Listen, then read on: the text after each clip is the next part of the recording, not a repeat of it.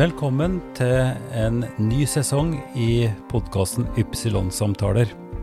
Podkasten fra Kirkelig dialogsenter i Drammen. Jeg snakker med Brita Schæfer denne gangen, i episode 133. Og Brita har alltid vært interessert i både naturvitenskap og musikk, og har i tillegg et sterkt engasjement for klima og miljø. Britta er for tiden doktorgradsstipendiat ved Universitetet i Oslo, hvor hun forsker på blanding av flytende vann og is i skyer, og rollen det har for klimaet. Hun er også kirkemusiker i Strømsø kirke, hvor hun spiller både orgel og horn. Og hun er altså aktiv i komiteen for klimafestivalen paragraf 112 i Drammen, som går av stabelen i disse dager. Samtalen går med publikum i Drammensbiblioteket den 19. januar, som en del av Drammen podkastfestival og Klimafestivalen paragraf 112 i Drammen. Da er det en glede for meg å ønske velkommen til den første Ypsilon-samtalen i 2023. Vi er inne i fjerde sesong, og vi er nå i samarbeid med Klimafestivalen paragraf 112 og med podkastfestivalen Drammen podkastfestival, som avvikles for andre gang. I dag så skal vi snakke om et tema som berører oss alle veldig sterkt, og som har gjort det lenge. Jeg hadde moro av å gå gjennom bokhylla mi eh, før jeg skulle hit i dag, og plukka fram noen verker som jeg tror mange av de som er her, og de som hører på, vil kjenne igjen. Eh, Erik Damman sine bøker, 'Fremtiden i våre hender', som kom eh, i 72, så vidt jeg husker. Og så en oppfølger, 'Ny livsstil og hva så', som kom i 76, fordi da hadde de allerede starta det som heter 'Fremtiden i våre hender', og laga da en bok som en slags aksjonsdokument. Så de to er for meg, som er i min generasjon, og mange av dere andre, så er det på en måte barnelærdommen innenfor dette feltet. Og så to nyere bøker, 'Verden på vippepunktet', av, eh, av den godeste Dag O. Hessen, og så Bjørn H. Samsets 2070. Men vi skal ikke kjøre noen biblioteksrunde, egentlig. Vi skal snakke med Brita Schæfer, som sitter her. Hei, Brita. Hei, Ivar. Velkommen hit. Takk. Brita, du eh, kom hit til byen for ikke veldig lenge siden. Og da kom du et stykke vei. Ja, du kom fra, fra Oslo og studier og sånn der. Men uh, før det, du er fra Tyskland. Kan ikke du si litt om uh, hvor du kommer fra? Jeg kommer fra en by som heter Osingen, som er litt nordvest fra Frankfurt. Som de fleste nok kjenner. Mm. Og ja, har vokst opp der og bodd der før jeg flytta til å studere et annet sted. Ja, ja. Ja. Mm. Og du um, framstår som en, en svært aktiv og virkekraftig person. Fordi ikke bare er du musiker med kirkemusikk og annen musikkutdanning, men du har også et fysikkstudium bak deg, og du driver nå og jobber med en doktorgrad i klimafysikk. Du er et relativt ryddig menneske, vil jeg tro, og du må ha lært det ganske så perfekt norsk også på ganske kort tid. Når kom du første gang til Norge? Første gang jeg var i Norge, var i sommer 2016. Da var det for um, en sommerstudentjobb med målinger fra det instituttet hvor jeg skrev bacheloroppgave i fysikk den gangen. Mm. Så da lærte jeg ikke så veldig mye norsk enda den sommeren. Men uh, det, jeg kom tilbake året etter for å ta utvekslingssemester ved Norges musikkhøgskole i Oslo som hornist. Mm. Og det var der jeg lærte meg norsk, egentlig. Ja. Men la oss eh, snakke om den første gangen, for da eh, var du i et fysikkprosjekt. Altså du drev med en forskningsoppgave. Eh, Andøya? Ja, stemmer. Hva var det for noe? Det er um, Jeg skrev en bacheloroppgave som handla om nattlysende skyer, som de heter. Og som er veldig mye høyere enn vanlige skyer. Altså Vanlige skyer beveger seg opp til 10 km, kan man kanskje si, som tommelfingerregel. Og mm. de som jeg undersøkte der, de er 80-85 km høyde. Og de heter nattlysene fordi man ser dem når sola har gått ned og belyser fortsatt disse skyene, men ikke resten av himmelen eller jorden lenger. Ja. Og um, der finnes det forskjellige instrumenter som man kan undersøke disse skyene på, men en av dem heter LIDAR, og da finnes det et instrument som er eid av det tyske instituttet hvor jeg skrev eh, bacheloroppgaven. Og um, ja, de har samarbeid med Andøya Space Center, eller som Andøya Space som det heter nå. Mm -hmm. Og ja, har jevnlig sendt studenter dit for å ta flest de nattmålingene. Så. Hva måler du da, når du bruker det instrumentet? Da måler man eh, tilbakestråling fra de skypartiklene. Altså, man skyter opp en laserstrål opp i atmosfæren. Som ja, når, Det er en veldig sterk, eh, veldig sterk greie, så det når opp til 100 km omtrent. Og så får man da signal tilbake hvor disse skyene er, hvor tykke de er, hvor store de partiklene er. og ja, Litt avhengig av hva Man har forskjellige bølgelengder og kan regne ut alle disse ting derfra. Ja. Eh, og vi skal komme tilbake til, til det eh, om ikke så lenge, fordi eh, du fortsatte jo å interessere deg for skyer og for vann i skyer. Ja. Ikke sant? Det er det du nå holder på med som, en doktor, som et Ja. doktorprosjekt. Nå er det innenfor de lavere lag i atmosfæren. Ja, ja. Men fortsatt Stemmer. eh, skyene og skyenes betydning for, for det som er hovedtema for denne festivalen, altså klimaproblematikken. Men jeg har lyst til at vi skal spole tilbake. I denne podkasten så er jeg jo også veldig interessert i, i personenes bakgrunn og oppvekst og skal vi si, kulturelle rammer og sånt. Ja. Eh, og nå er du et særdeles ungt menneske, men eh, du har likevel en forankring i et miljø og i et sted. Kan ikke du si litt om oppveksten din og hvordan det var å vokse opp der du vokste opp? Det er ja, en by som er mindre enn Drammen, i alle fall. Og eh, ja, en time med tog til Frankfurt omtrent. Og jeg gikk ja, på grunnskolen og gymnaset der i byen med korte avstander, stort Mm, sett. Så har jeg to yngre søsken som jeg har vokst opp sammen med. Ja, og har vel ja, stort sett drevet med musikk og litt idrett også gjennom hele oppveksten. Mm. Ja. Eh, hva, du er jo nå kirkemusiker. Jeg vet jo at du har tatt kirkemusikkutdanning etter den andre musikken, men hadde du et kirkelig tilknytning, eller? Jo, det, det hadde jeg. Og hvis du, hvis du går veldig lenge tilbake, så var kanskje ikke musikk noe som fikk meg til å starte med musikk i det hele tatt, etter det foreldrene mine sier, men det husker ikke jeg selv, øh, på en måte. Nei, Så det var vel uh, dåpsgudstjenesten til søstera mi, hvor jeg hørte orgelet og sa sånn Dette vil jeg også. Og så eh, ja, begynte jeg med piano istedenfor da. Eh, det- Tre år senere, da jeg fortsatt ville det, da jeg var fem år. Mhm. Fordi orgel spiller man jo ikke som når man er så liten. Så, og så glemte jeg det med orgel eh, veldig lenge egentlig også. Så jeg husker at det første keyboardet som vi hadde hjemme, det ble kalt for barneorgel. Så det, det, det ja. Men uh, ellers så, så var det piano veldig lenge. og Ja. mindre kirkemusikk inntil konfirmasjonsalder, hvor jeg begynte å spille litt orgel igjen. ja. Mm. Det er morsomt for en tidligere gjest, Jørn Fevang, som er kantor i Bragernes her. Ja. Han hadde litt av den samme historien. For han har vært eh, kantor her i byen nå i 30 år. Eh, men han fikk sin store opplevelse da han hørte Bachs Håmålsmesse. Mm. Og da var han åtte eller ni år gammel. Og da visste han helt sikkert at dette skulle han fortsette å jobbe med. Dette ville han holde på med.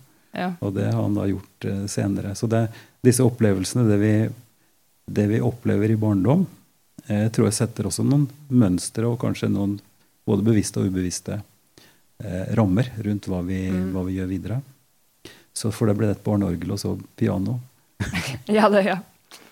Eh, eh, kan du si litt om eh, skal vi si den aktivistiske siden din? Eh, når ble du klar over eller aktiv i forhold til klima og, og miljøspørsmål?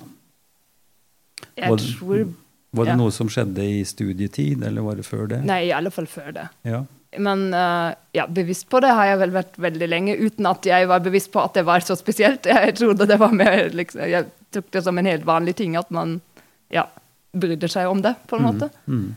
Så jeg tror nok at en beslutning f.eks. Jeg har fortsatt ikke førerkort, og at jeg sykler rundt, det har nok mye med den bakgrunnen også å gjøre. Og det har jeg bestemt meg veldig tidlig for at nei, når jeg blir 18, så trenger jeg ikke førerkort med en gang. Jeg skal fortsette å Mm. sykle og bruke kollektiv så mye som mulig. Ja. Hmm.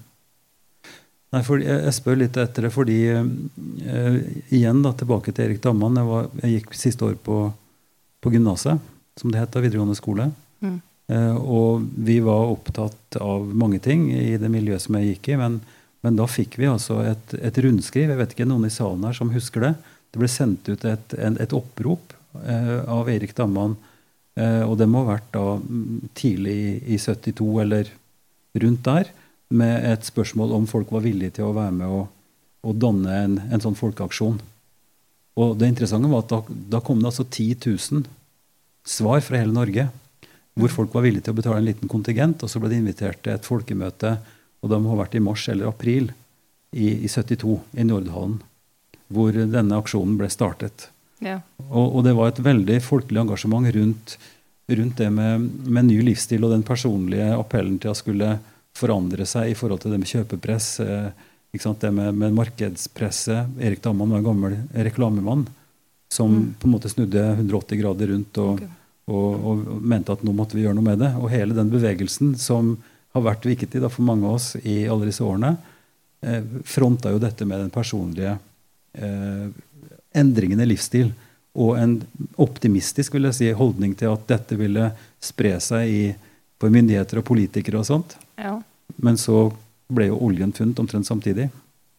Og olje, det oljefunnet og den velstandsutviklinga den har nok prega oss her i Norge og, og mye, mye, mer enn hva denne livsstilsendringen har kunnet gjort.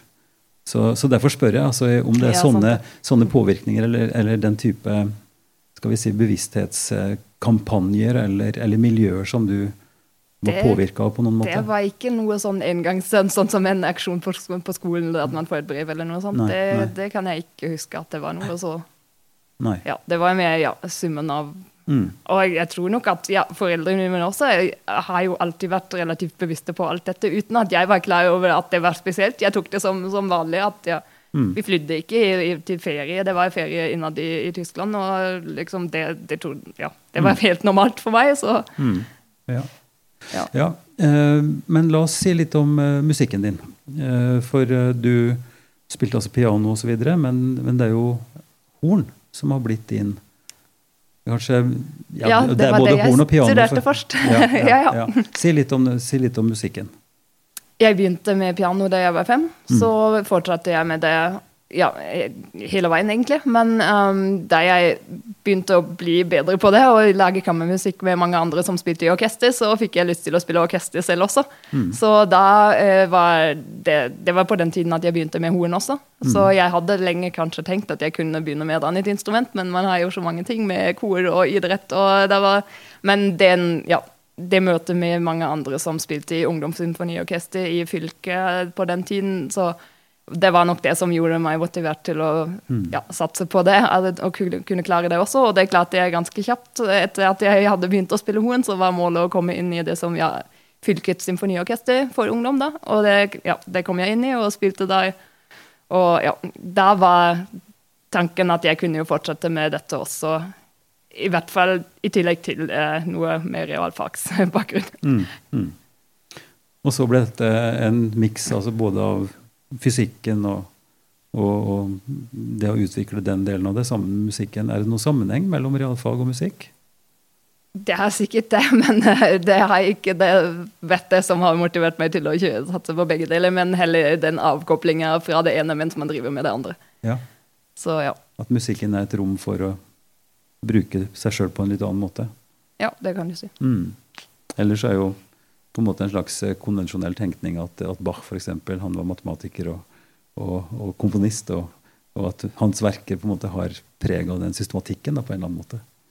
Jeg vet ikke om det er relevant sammenligningsgrunnlag.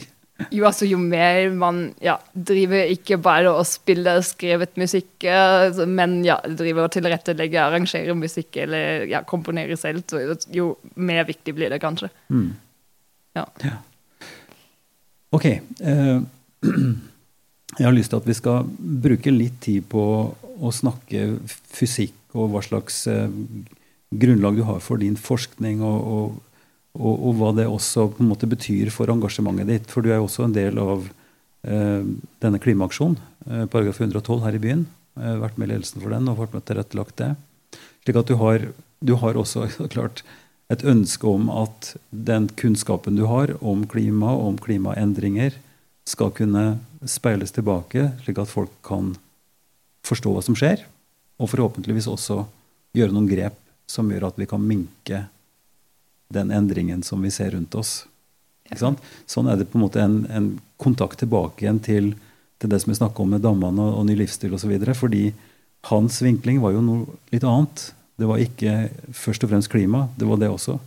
Men, men dette med, med forbrukssamfunnet og økonomien og, og overfloden og, og sløseri osv. Men hva, Ja, altså når, du, når du forsker Jeg tror du skal få lov til å si litt om relevansen av disse, at det med vann i skyer, hva det egentlig betyr. Og jeg spør fordi at jeg har jo lest boka til Bjørn Samset, og en av de åpne spørsmål, spørsmåla hans det er at han er bekymret, skriver noe om noe ny forskning om noen sånne kumulusskyer, veldig høye skyer, som speiler og speiler tilbake igjen stråling, som gjør at, at oppvarmingen ikke blir så, så, stor. Og det er en fare for at disse skyene kan bli ødelagt. Det er noe mm. av det han skriver om. Det som man ikke skriver så mye om, det som skjedde etter at boka kom, det er jo krigen i Ukraina. Ja. Og alt, alt, det som skjer av altså forferdeligheter for mennesker, men også når det gjelder utslipp osv. Så, videre. så det skjer mange ting som påvirker klimaet. Men hva er relevansen for dette, dette vannet i disse skyene? Ja, det var mange ting på en gang nå. Ja, men, ta, men ta det med ja. vannet. Ta med det, vannet. Um, det, det, med, det, med, vann er at uh, det som Først så Det jeg forsker på, henger sammen med blandingen av flytende vann og is i skyer. Og da må man vite at vann i skyer fryser ikke med en gang en blir kaldere enn nullgradig. Så man kan ha ja, underkjølt vann helt ned til minus 40 grader, i realiteten mest til minus 30. Og den blandingen har mye å si for hvordan skyene reflekterer stråling. Både den eh, langbølgete fra, fra, jorda, som har en oppvarmende effekt, men også den ja, kortbølgete fra sola, som er ja, refleksjon og dermed en nedkjølende effekt. Og ja, ja, det har jo noe å gjøre med samme masse vann gir forskjellige mengder partikler i en sånn sky. Og det endrer tilbakestrålingen. Så, og det er et stort usikkerhetsmoment i klimamodeller fortsatt. Hvordan den sammensetningen er, om den er korrekt representert i de modellene som man jo bruker for å forutsi hvordan klimaet blir. Hvordan dette endrer seg med klimaendringene, og igjen hvordan dette henger sammen med aerosolene, som er jo en helt annen type ting. Er, dette er ikke vann, men det, det, er veldig relevant for skyer, det også. Og det er noe som Bjørn Samset også veldig forsker mye på. Mm, ja, jeg har sett det. Så det er nok en del av boka også. Mm. Eh, når du forsker på det, hva er på en måte drivkraften din? Hvorfor syns du dette er interessant? Hvorfor vil du forske på dette feltet?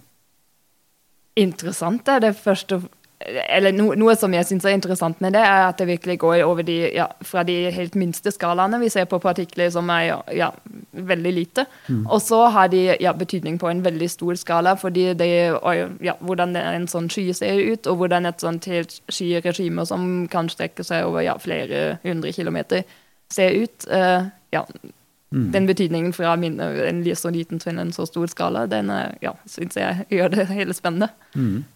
Hva håper du å finne ut?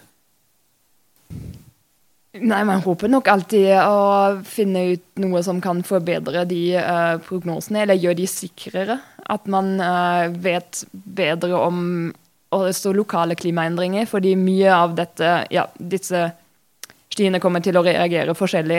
Altså, om man har blandet fase mellom underkjølt vann og is i en ski, det er temperaturavhengig. Og i forskjellige regioner av kloden så har man disse temperaturregionene i forskjellige høyder i atmosfæren. Så her, i Arktis så har man dette veldig nært overflaten hele tiden. Og da har det derfor en, ja, mye mer effekt på de skiene som gjør det med tilbakerefleksjon, og de som Bjørn er redd for at kan bli ødelagt. Mm. Altså, mens man i, i tropene har de i en helt annen høyderegion. Og, ja. Så det handler om å samle kunnskap og bidra til forskning for å forstå dynamikken i de endringsprosessene vi ser, bedre. Ja, det er sant. Mm. Og ja, derfor er det kanskje ikke en veldig direkte kobling til å redusere klimaendringer gjennom den forskninga. Da er det veldig mye mer samfunnsmessige endringer som, som må til, egentlig. Men en, et poeng er jo også at veldig mye av den oppvarmingen skjer allerede. Og er, vi vet at det kommer til å bli minst 1,5 grader innen slutten av århundret, sannsynligvis mer. Mm. Da, og da har man allerede en del endringer som man også til, må tilpasse seg som fast samfunn. Og det kan man bedre jo bedre man vet hvordan de endringene blir. Og da er det ja, store lokale forskjeller, så jo bedre modellene er, jo mm. bedre kan man hjelpe folk med å tilpasse seg i alle verdensdeler. Så, så, du yter en del av det store bildet av forskning som skjer rundt i hele verden, for å forstå prosessene bedre. Og det er jo dette som blir samlet og analysert i klimapanelet, ja. blant annet. Ikke sant? FNs klimapanel, som Bjørn Samset også er en del av på en måte den Ja, og doktorgradsveilederen min også, for eksempel. ja, ja, nettopp. Hun. Ja. Ja. Eh, men på samme måte som, eh, som eh, jeg bare griper tilbake igjen til den gode Erik Damman og hans prosjekt og det som vi har holdt på med i 50 år, eh, på å få fram et kunnskapsgrunnlag og forstå prosessene med altså industrialisering og forbrukssamfunn osv. Det, er jo et- det er jo et kunnskapsgrunnlag som ligger der, og som på en måte var klart for ja, i hvert fall 50 år siden. Eh, nå har vi hatt en ganske lang periode hvor såkalte klimaskeptikere har på en måte tatt til orde for at dette er helt usikkert, og, og, og dette er manipulerte ting, og det er egentlig bare sola, og dette er vanlig, osv. osv. Men nå har vi jo, vil jeg si, altså for, for når det gjelder aller, aller fleste, at vi har etablert et kunnskapsgrunnlag på at det skjer endringer som har sammenheng med utslipp av CO2. Altså emisjon som er skapt av forbrenning av kull og, og hydrokarboner eller så, sånt noe, som gjør at prosessene endrer seg mye fortere og mye mer dramatisk enn det vi har sett før. Så det er jo både prisverdig og nødvendig at en jobber videre for å forstå det bedre. Men det store og brennende spørsmålet er jo mer knytta til hvordan vi klarer å koble den kunnskapen med endringsprosesser i det sosiale og det økonomiske, som gjør at vi kan se for oss at det ikke blir full krise. Helt riktig. Ja. Og det er nok noe som motiverer meg til å være engasjert i en festival som dette også. At ja, man kobler vitenskapen til, eh, ut til folket som eh, Og ja, bedrifter og politikere og alle som eh, har del i den endringsprosessen som Mm. er nødvendig. Og der er det jo et, et langt og et kontinuerlig engasjement. Elisabeth Briseid, som er sentral i, har vært da, ledet denne festivalen i mange år. Mm. Eh, med sin røde hatt ble jo avbilda i, i vår lokalavis Drammens Tidende her nå etter, Ja. etter åpningsmøtet. Eh, hvor eh, redaktør Hege Brenn Brakken eh, eh, sier at det er ikke Altså det nærmeste Extension Rebellion, det er de rødhattene, besteforeldrenes klimaaksjon. Eh, og hun, altså Elisabeth personlig, hun var jo også en del av sekretariatet helt i begynnelsen på Fremtiden våre hender. Så hun har vært kontinuerlig med i dette, i dette hele veien. Men jeg må jo si, altså både på egne vegne og, og for oss som samfunn, at en kan bli litt motløs Ja. når en ser hvor, eh, hvor lite vi har vært i stand til å, å følge de, den kunnskapen eller de rådene eller det som da for 50 år siden ble veldig sterkt understreka og fikk støtte av veldig, veldig mange. Eh, Så vi skal, ikke, vi skal ikke fordype oss i den pessimistiske, men, men heller i det, i det praktiske. Altså du som eh, både vitenskapsperson og som aktivist. eh, Som, sånn som her i Drammen. Hva tenker du er de spora vi skal følge for å, for å kunne få gjort mest mulig for flest mulig? Altså, hva, vi- vi- hvilke grep Nå driver vi med kunnskapsformidling. ikke? Aksjonen er for å få engasjert folk og, og for, å få, for å få vist liksom, hva som er mulig. Men, men hva, hva, hva tenker du? Hva slags, eh, hva slags eh, muligheter har vi nå på kortere og lengre sikt eh, til å få gjort noe? Eh, når vi ser hvor flinke vi er til å følge liksom, eh, det vi burde gjøre. Det er et ja, godt og vanskelig spørsmål, men, og veldig lite innenfor liksom, fysikkbakgrunnen min. Men Ja. eh, det som man må, er jo ja, få de utslippene ned, og det er vel hvis man ser lokalt på det, i Drammen veldig mye fortsatt trafikken som, som står for en del av utslippene. Og så er selvfølgelig uh, nedbygging av natur også et problem ja, fordi klima- og naturkrise er koblet sammen. Så det er nok ting som, ja, som brenner og Ja.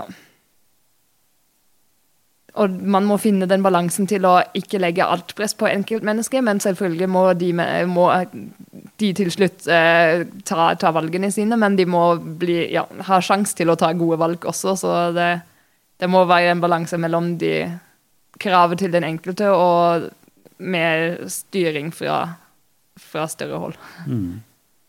Og ja, for å ja, det tilbake til ja, liksom, veldig store bilder, så husker jeg den, du nevnte nå krigen i Ukraina, som ikke er med i Bjørn sin bok, men jeg har vært, faktisk, jeg har vært med på kurs hvor Bjørn Samset også var med. Uh, som jeg selv var også medinitiator for med andre stipendiater i Bergen i høst i fjor.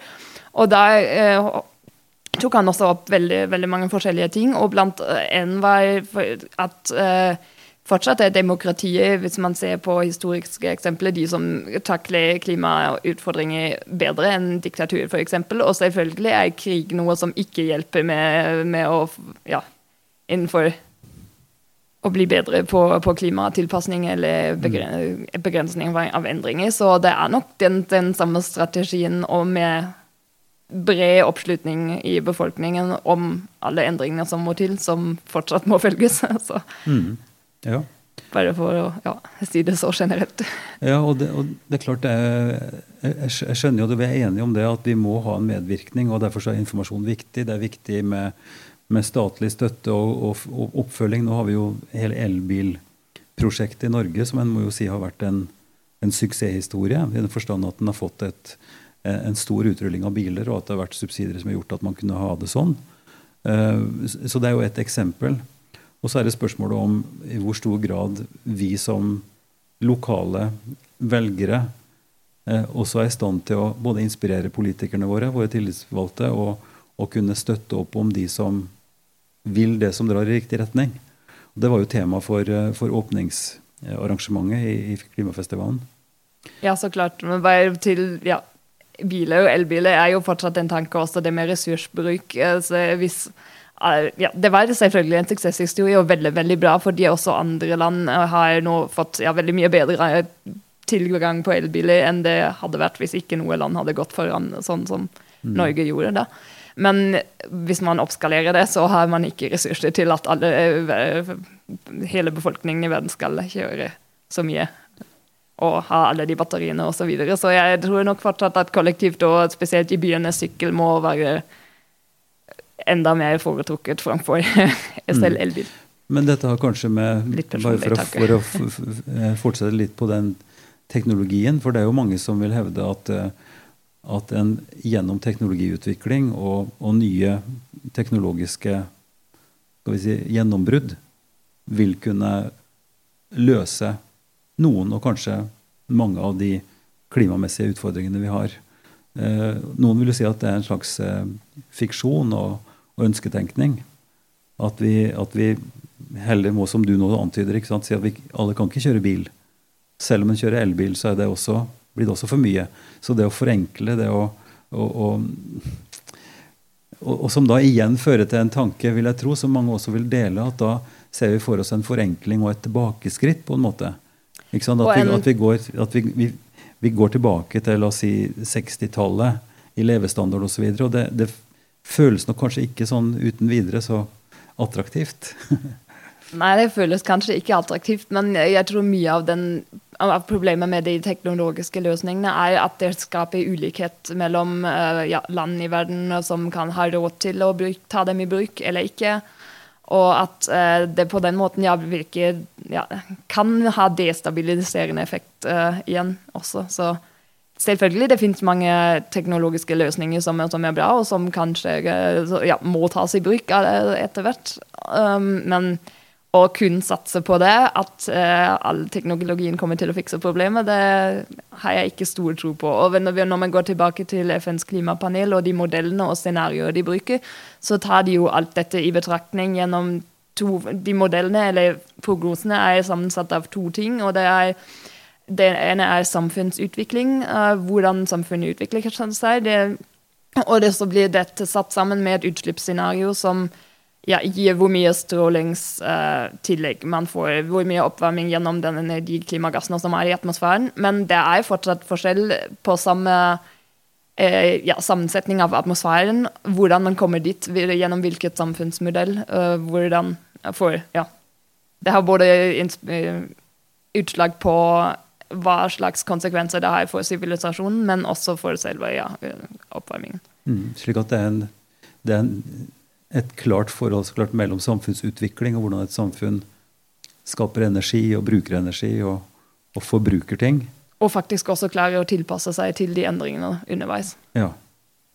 Eh, og, og, da det er klart, da er det ikke noe oppløftende når vi ser at, eh, at autokratier og, og altså at demokratiene i, i, verden går tilbake. Sånn, det er, færre som lever i demokratier nå enn det var i 89 f.eks. Ja. Eh, så, så det, er, er, flere sånne dystre, eh, dystre tendenser. Krigen og én ting, eh, alt dette andre også som drar i en, type, en motsatt retning da, i forhold til det vi skulle ønske å få til av samhandling, av felles målsettinger på, på, globalt nivå, i hvert fall på regionalt nivå. Sånn at en, en, føler nok at det er mange sånn tilbakeslag i forhold til det vi skulle ønske skjedde. Eh, og da Jeg vet ikke om det, om, om det er irrelevant, men jeg, men jeg, tenker jo at vi må jobbe med motivasjon og håp og en type fellesskap som gjør at en kan finne sammen og finne løsninger som er gode, både for en sjøl personlig og for, for samfunnet i stort. Og da er det jo for meg da, som, eh, som prest og sånn, så er det interessant å tenke hva kan menigheter eller tette fellesskap eh, få til av felles, altså gjensidig støtte og motivasjon? Og kan til og med kirkemusikken eller, eller det musiske eh, ha en betydning for dette? At, at, man, at man finner eh, krefter da, til å å gå litt i motsatt retning. For vi, vi, blir jo dratt, om vi vil eller ikke, i en type forbruksretning og, og, et liv som ikke kanskje er det mest konstruktive. Vi ser mest på oss sjøl og det som er i min alder, ikke sant, med, med det som er bekvemmelig, og sånn som vi har gjort det før. ikke sant? Ja, det så, stemmer nok. Og det gjelder nok også for kirka. så det er stor grad, ikke sant? Kirka er jo som samfunnet ellers. Men, ja. men, er, men er, det en, en Du som aktiv eh, nå i, i, Strømsø, bykirka der, og, og, i det kulturelle arbeidet som skjer der, og sånt, vil det kunne være en faktor tenker du, i, i å mobilisere folk også på dette feltet? Ja, Generelt så er jo alt, alle møteplasser hvor folk ja, faktisk kommer sammen og utveksler ideer og tanker og kan inspirere hverandre, kan, kan jo bare hjelpe på veien. Det er jo ja, bedre enn an, ja, andre typer uh, tidsbruk som man kunne mm. bruke bare alene på. liksom. Så eh, den utvekslingen som alt mulig av kulturarrangementer og ja, også idrett, for så vidt, eller kirken og alt sammen, mm. det kan nok eh, hjelpe på veien. Og ja, det, det, er jo alltid et håp med de ting som man arrangerer der. At, eh, eller ja, hvis man bare kommer i prat med noen som kanskje ikke hadde hørt om det ene eller andre før. Og jeg blir jo også inspirert når jeg snakker med andre om ting jeg hadde ikke hørt før. Mm. Hva, hva, i festivalen er det du tenker bringer et sånt håp? Det er mye snakk om gjenbruk, f.eks. Sirkulær økonomi. Eh, den type aktivitet som det skjer mye av i festivalen. Ja, det, det, er jo et viktig sted at det skjer innenfor festivalen. Så er det litt mer normalisert kanskje i hverdagen eh, etterpå også, kan man håpe. Eller eh, ja, at man ja, jeg har selv eh, ikke så mange nykjøpte klær i skapet nå. Eller de, hvis de, de er, så er de ganske gamle, så jeg har vært veldig aktiv på klesbyttedager og sånt, og mm. reparerer nok klær når de får hylle og sånt også. Men det må, ja. Det er selvfølgelig gledelig at uh, dette spres i forbindelse med festivalen. Mm. Ja, og så er det viktig at også den politiske dimensjonen er med. At uh, alle kan få ja, informasjon om at det finnes en ny plan for klimastrategi, og ja Få informasjon om hva de selv uh, mm. kan gjøre og kan påvirke i framtiden. Og Vi er jo tilbake igjen til det politiske og til demokratiet, som skal fungere ved at vi har forskjellige politiske retninger som har litt forskjellige løsninger, kanskje, og litt forskjellig vektlegging. Men, men, det å finne Det er vel egentlig to ting som er interessante. Det er at man finner en slags felles eh, eh, forståelse av hva som er tilfellet. Altså hvordan verden ser ut, hvordan byen vår og hvordan virkeligheten er. Og så kunne sette noen mål. Her er det jo i Drammen og satt veldig, veldig eh, om ikke radikale, så ganske kraftige mål på 55% utslippsreduksjon på nå fram til 2030.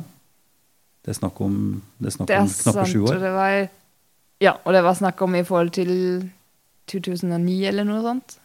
Og vi har ikke kommet så langt på veien ennå, tror jeg. Nei. Så det er et godt stykke arbeid igjen. Ja, Og den, det at man har en sånn, en sånn beslutning, eh, det gir, en, det gir, jo en, retning. Men det å, det å skulle gjennomføre det og, og kunne klare å etterprøve det også. For, altså, du er jo vitenskapsperson, så du vet jo noe om målinger og hvordan man kan på en måte sjekke hva som skjer over tid. Og det fins indekser på sånt nå. Men mm. hvordan kan vi som privatpersoner og som velgere bidra i dette? Altså, betyr det noe Ja, det betyr åpenbart hvem vi stemmer på, for hvem vi tror mest på. Men, Ja. men det er jo interessant her i et lokalpolitisk perspektiv, altså hva som, hva som er vår besteforeldrenes klimaaksjon, klimafestivalen, vi andre som er opptatt av dette, hvordan vi kan dytte. Er det det politiske engasjementet, det at vi går og stemmer, som er viktig? Eh, Det er selvfølgelig viktig, og så er det viktig å ta opp stemmen om at dette er et viktig tema, at eh, politiker skal bruke tid på akkurat dette. mm, Så er det som ja, også er viktig. Å sette det på agendaen hele tiden. mm. Eh, si, litt om, eh, si litt om arbeidsplassen din nå, Bykirken eh, Strømsø. Ditt kulturarbeid og, og det som skjer der, det syns jeg òg er interessant. Vi er jo litt sammen om det, men, men eh, hva betyr Bykirken i dette bildet? Har det noe relevans for et sånt Jeg tema? Jeg kan først si hvorfor. Liksom, det er jo ja, en litt spesiell kirke på den måten at den er nedlagt som vanlig menighetskirke, men det var noe som, det, som ja, fikk meg litt motivert til å søke den jobben og komme hit også. At det nettopp kan bli en ja, kulturkirke hvor man ja, kan eh, ha andre aktiviteter og stille, stille seg opp eh, veldig bredt. Mm. Og ja, når du tenker på klimabiten, så ja, jeg har jo hatt konsert med en venninne av meg som heter Hilja, og skriver musikk om dette nå også forrige søndag i Strømsø kirke. Mm. Så det er nok involvert i tanken at uh, dette kan inspirere til handling, og kan også være til bare en takk og glede til dem som allerede er veldig engasjert i saken, at, uh, at dette tas opp, ja, også siden det kanskje blir så frustrerende andre ganger, at uh, det også fins rom for at man faktisk feirer litt fremskritt, eller uh, ja For dem som Mm. trenger litt oppløfting i, det hele. Mm. Eh, Har du mye kontakt eh, tilbake til Tyskland og til, til studiekamerater og familie og sånt der? Hvordan situasjonen der oppleves nå? For, for, for eh, energisituasjonen f.eks. føles nok kanskje minst like krevende der som er i Norge? Ja, den, den gjør nok det. Men altså, det er ikke noe som jeg snakker om veldig ofte med, de, liksom når jeg snakker med familien. Så jeg har god kontakt med familien i Tyskland, og de har alle sammen vært på besøk i Norge i jula senest. Og ja, jeg har også kontakt med studiekamerater i Rostock. Mm. Så. Jeg vet ikke om, eh, om det som er så høyt oppe nå på dagsordenen i Norge med strømstøtte og, og, og både for næringsliv og, og personer og sånt, om det også er en, en, et stort tema i Tyskland. Jo, altså selvfølgelig er det et stort tema, og at ehm, ja, strømstøtte fins og sånt, men ehm, at de har jo ja, importert veldig mye mer gass eh, fra Russland før, som de Mm. ikke gjør lenger nå. Så, eh, og hvordan det, dette gapet erstattes, eh, at man ikke har det lenger, det er et stort debattema. Og det har jo vært store demonstrasjoner de siste dagene også om eh, en landsbygd der som nå fortsatt, eh, selv om vi vet at vi ikke skal slippe ut mer klimagass, eh, skal eh, vike for en utvidelse av en kullgruve. Så det, det er jo nok et veldig hett debattema. Fordi eh, Tyskland var jo veldig tidlig ute også med å stoppe atomkraftproduksjon. Slik Ja. at det har også vært et tema ikke sant, om en må begynne å tenke mindre atomkraftverk, kanskje. Eller, eller altså begynne å tenke atomkraftverk også for å unngå å brenne kull og olje. da. Så det, Ja, det, er, det mange ting som, eh, som kommer opp nå i, altså i, i, kjølvannet av, av krigen, og, og eh, som setter ting på spissen på en annen måte. Også når det gjelder ressursallokering da, i Norge, med industri som nå skal begynne å produsere det gjør absolutt det, men det Ja. Jeg, jeg syns nok at man ja, ikke skal falle tilbake til Eller man, at vi ja, kan jo ikke løse den krisen med de samme midlene som vi har kommet inn i. Altså nå liksom bare satse på mer, mer kull igjen plutselig fordi vi trenger det på kort sikt. Det, det forverrer det jo bare på lang sikt. Det, det, ja, man må heller gå, få ned det ressursforbruket med en gang og bruke, bruke de anledningene man har til det. Mhm.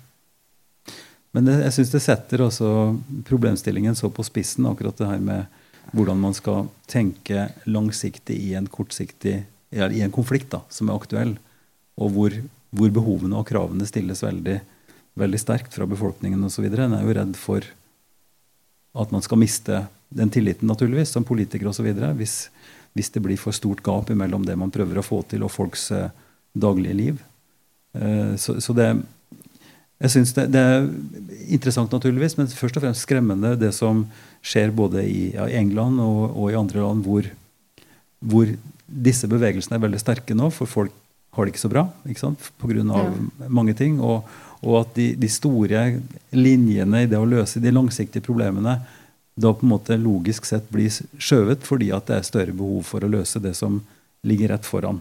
Og det, ser jeg absolutt. Jeg tenker selv mest på at vi fortsatt har det mye bedre enn, de, enn folk i de landene hvor det faktisk er krig. Så da må man nok uh, skjønne at uh, de problemene ikke er så store i forhold som man selv har. Mm. Ja, nei, vi skal, Og, ja. Mm, vi, skal, vi skal runde av her nå, men men dette er liksom tilbake til det jeg starta med en, en, bevissthet om hva som skjer, og et, en forståelse av hva som er nødvendig, men hvor skrittene vi tar, virker for små, og på en måte ofte litt i feil retning også, pga. ting som kommer i veien. Ikke sant? Ja. Eh, så det å holde fast i at det er nødvendig, ja, at vi må ta de skrittene vi må, men klare å holde den kursen på lang sikt, det, det er en eh, det er en virkelig, en virkelig, utfordring. Og da kanskje blir det et annet type språk. Kanskje er det det musiske språket. da, Kanskje er det musikken og, og fellesskapet vi må gå til for å hente den roen eller den Så klart, og Jo vanskeligere spørsmålet er hvordan vi skal løse den krisen, desto mer trenger man kreativitet til, til å komme ut av den også, tror ja, jeg. Ja. Så det, ja. Akkurat fordi man ikke kan bruke de samme løsningene som før, så må man komme på nye, og da hjelper jo ja, alt fra det kreative feltet sikkert også. Har du noen uh, punchlines som du vil si mot slutten av samtalen? Noe som du vil oppfordre litt lyttere og sånn til? det har jeg nok ikke forberedt så veldig. det er jo ja være, ja, være bevisst på uh, på problemet og på, på, de valgene man har, og ja, hente informasjon når man ikke vet hva faktisk det beste valget er. Og når man spør seg om eh, har det faktisk en effekt hvis jeg velger sånn og sånn, så er det stort sett alltid informasjon å hente mm. som, som, tilsier hva som er det bedre eller verre alternativet som man har. Så bare bry dere, og ikke tenk nei, jeg har ikke noe å si for det i et store hele uansett. Ja det vi gjør, har betydning. Sjøl om det føles smått, så har det en betydning. Og du har gjort det valget på at du sykler mye, f.eks. Blant annet. Og jeg tar også mye tog istedenfor å fly. Og mye tog, altså kollektivtrafikk. Og som du snakker også om, om sirkulær økonomi og bytte, bytte, bytte ting istedenfor å kjøpe ny og sånn. Brita, takk for uh, samtalen og lykke til både med musikken og med, med studiene, doktorgraden. Når skal du disputere, tror du? Mot slutten av året, kanskje. Og ja. te tema for, for disputten, eller oppgaven her? Det er den klimaeffekten av skyer med blandet fase med flytende vann og is. Du får si fra, så får vi beskjed når den er ferdig. ja, det kan jeg. Takk skal du ha. Takk.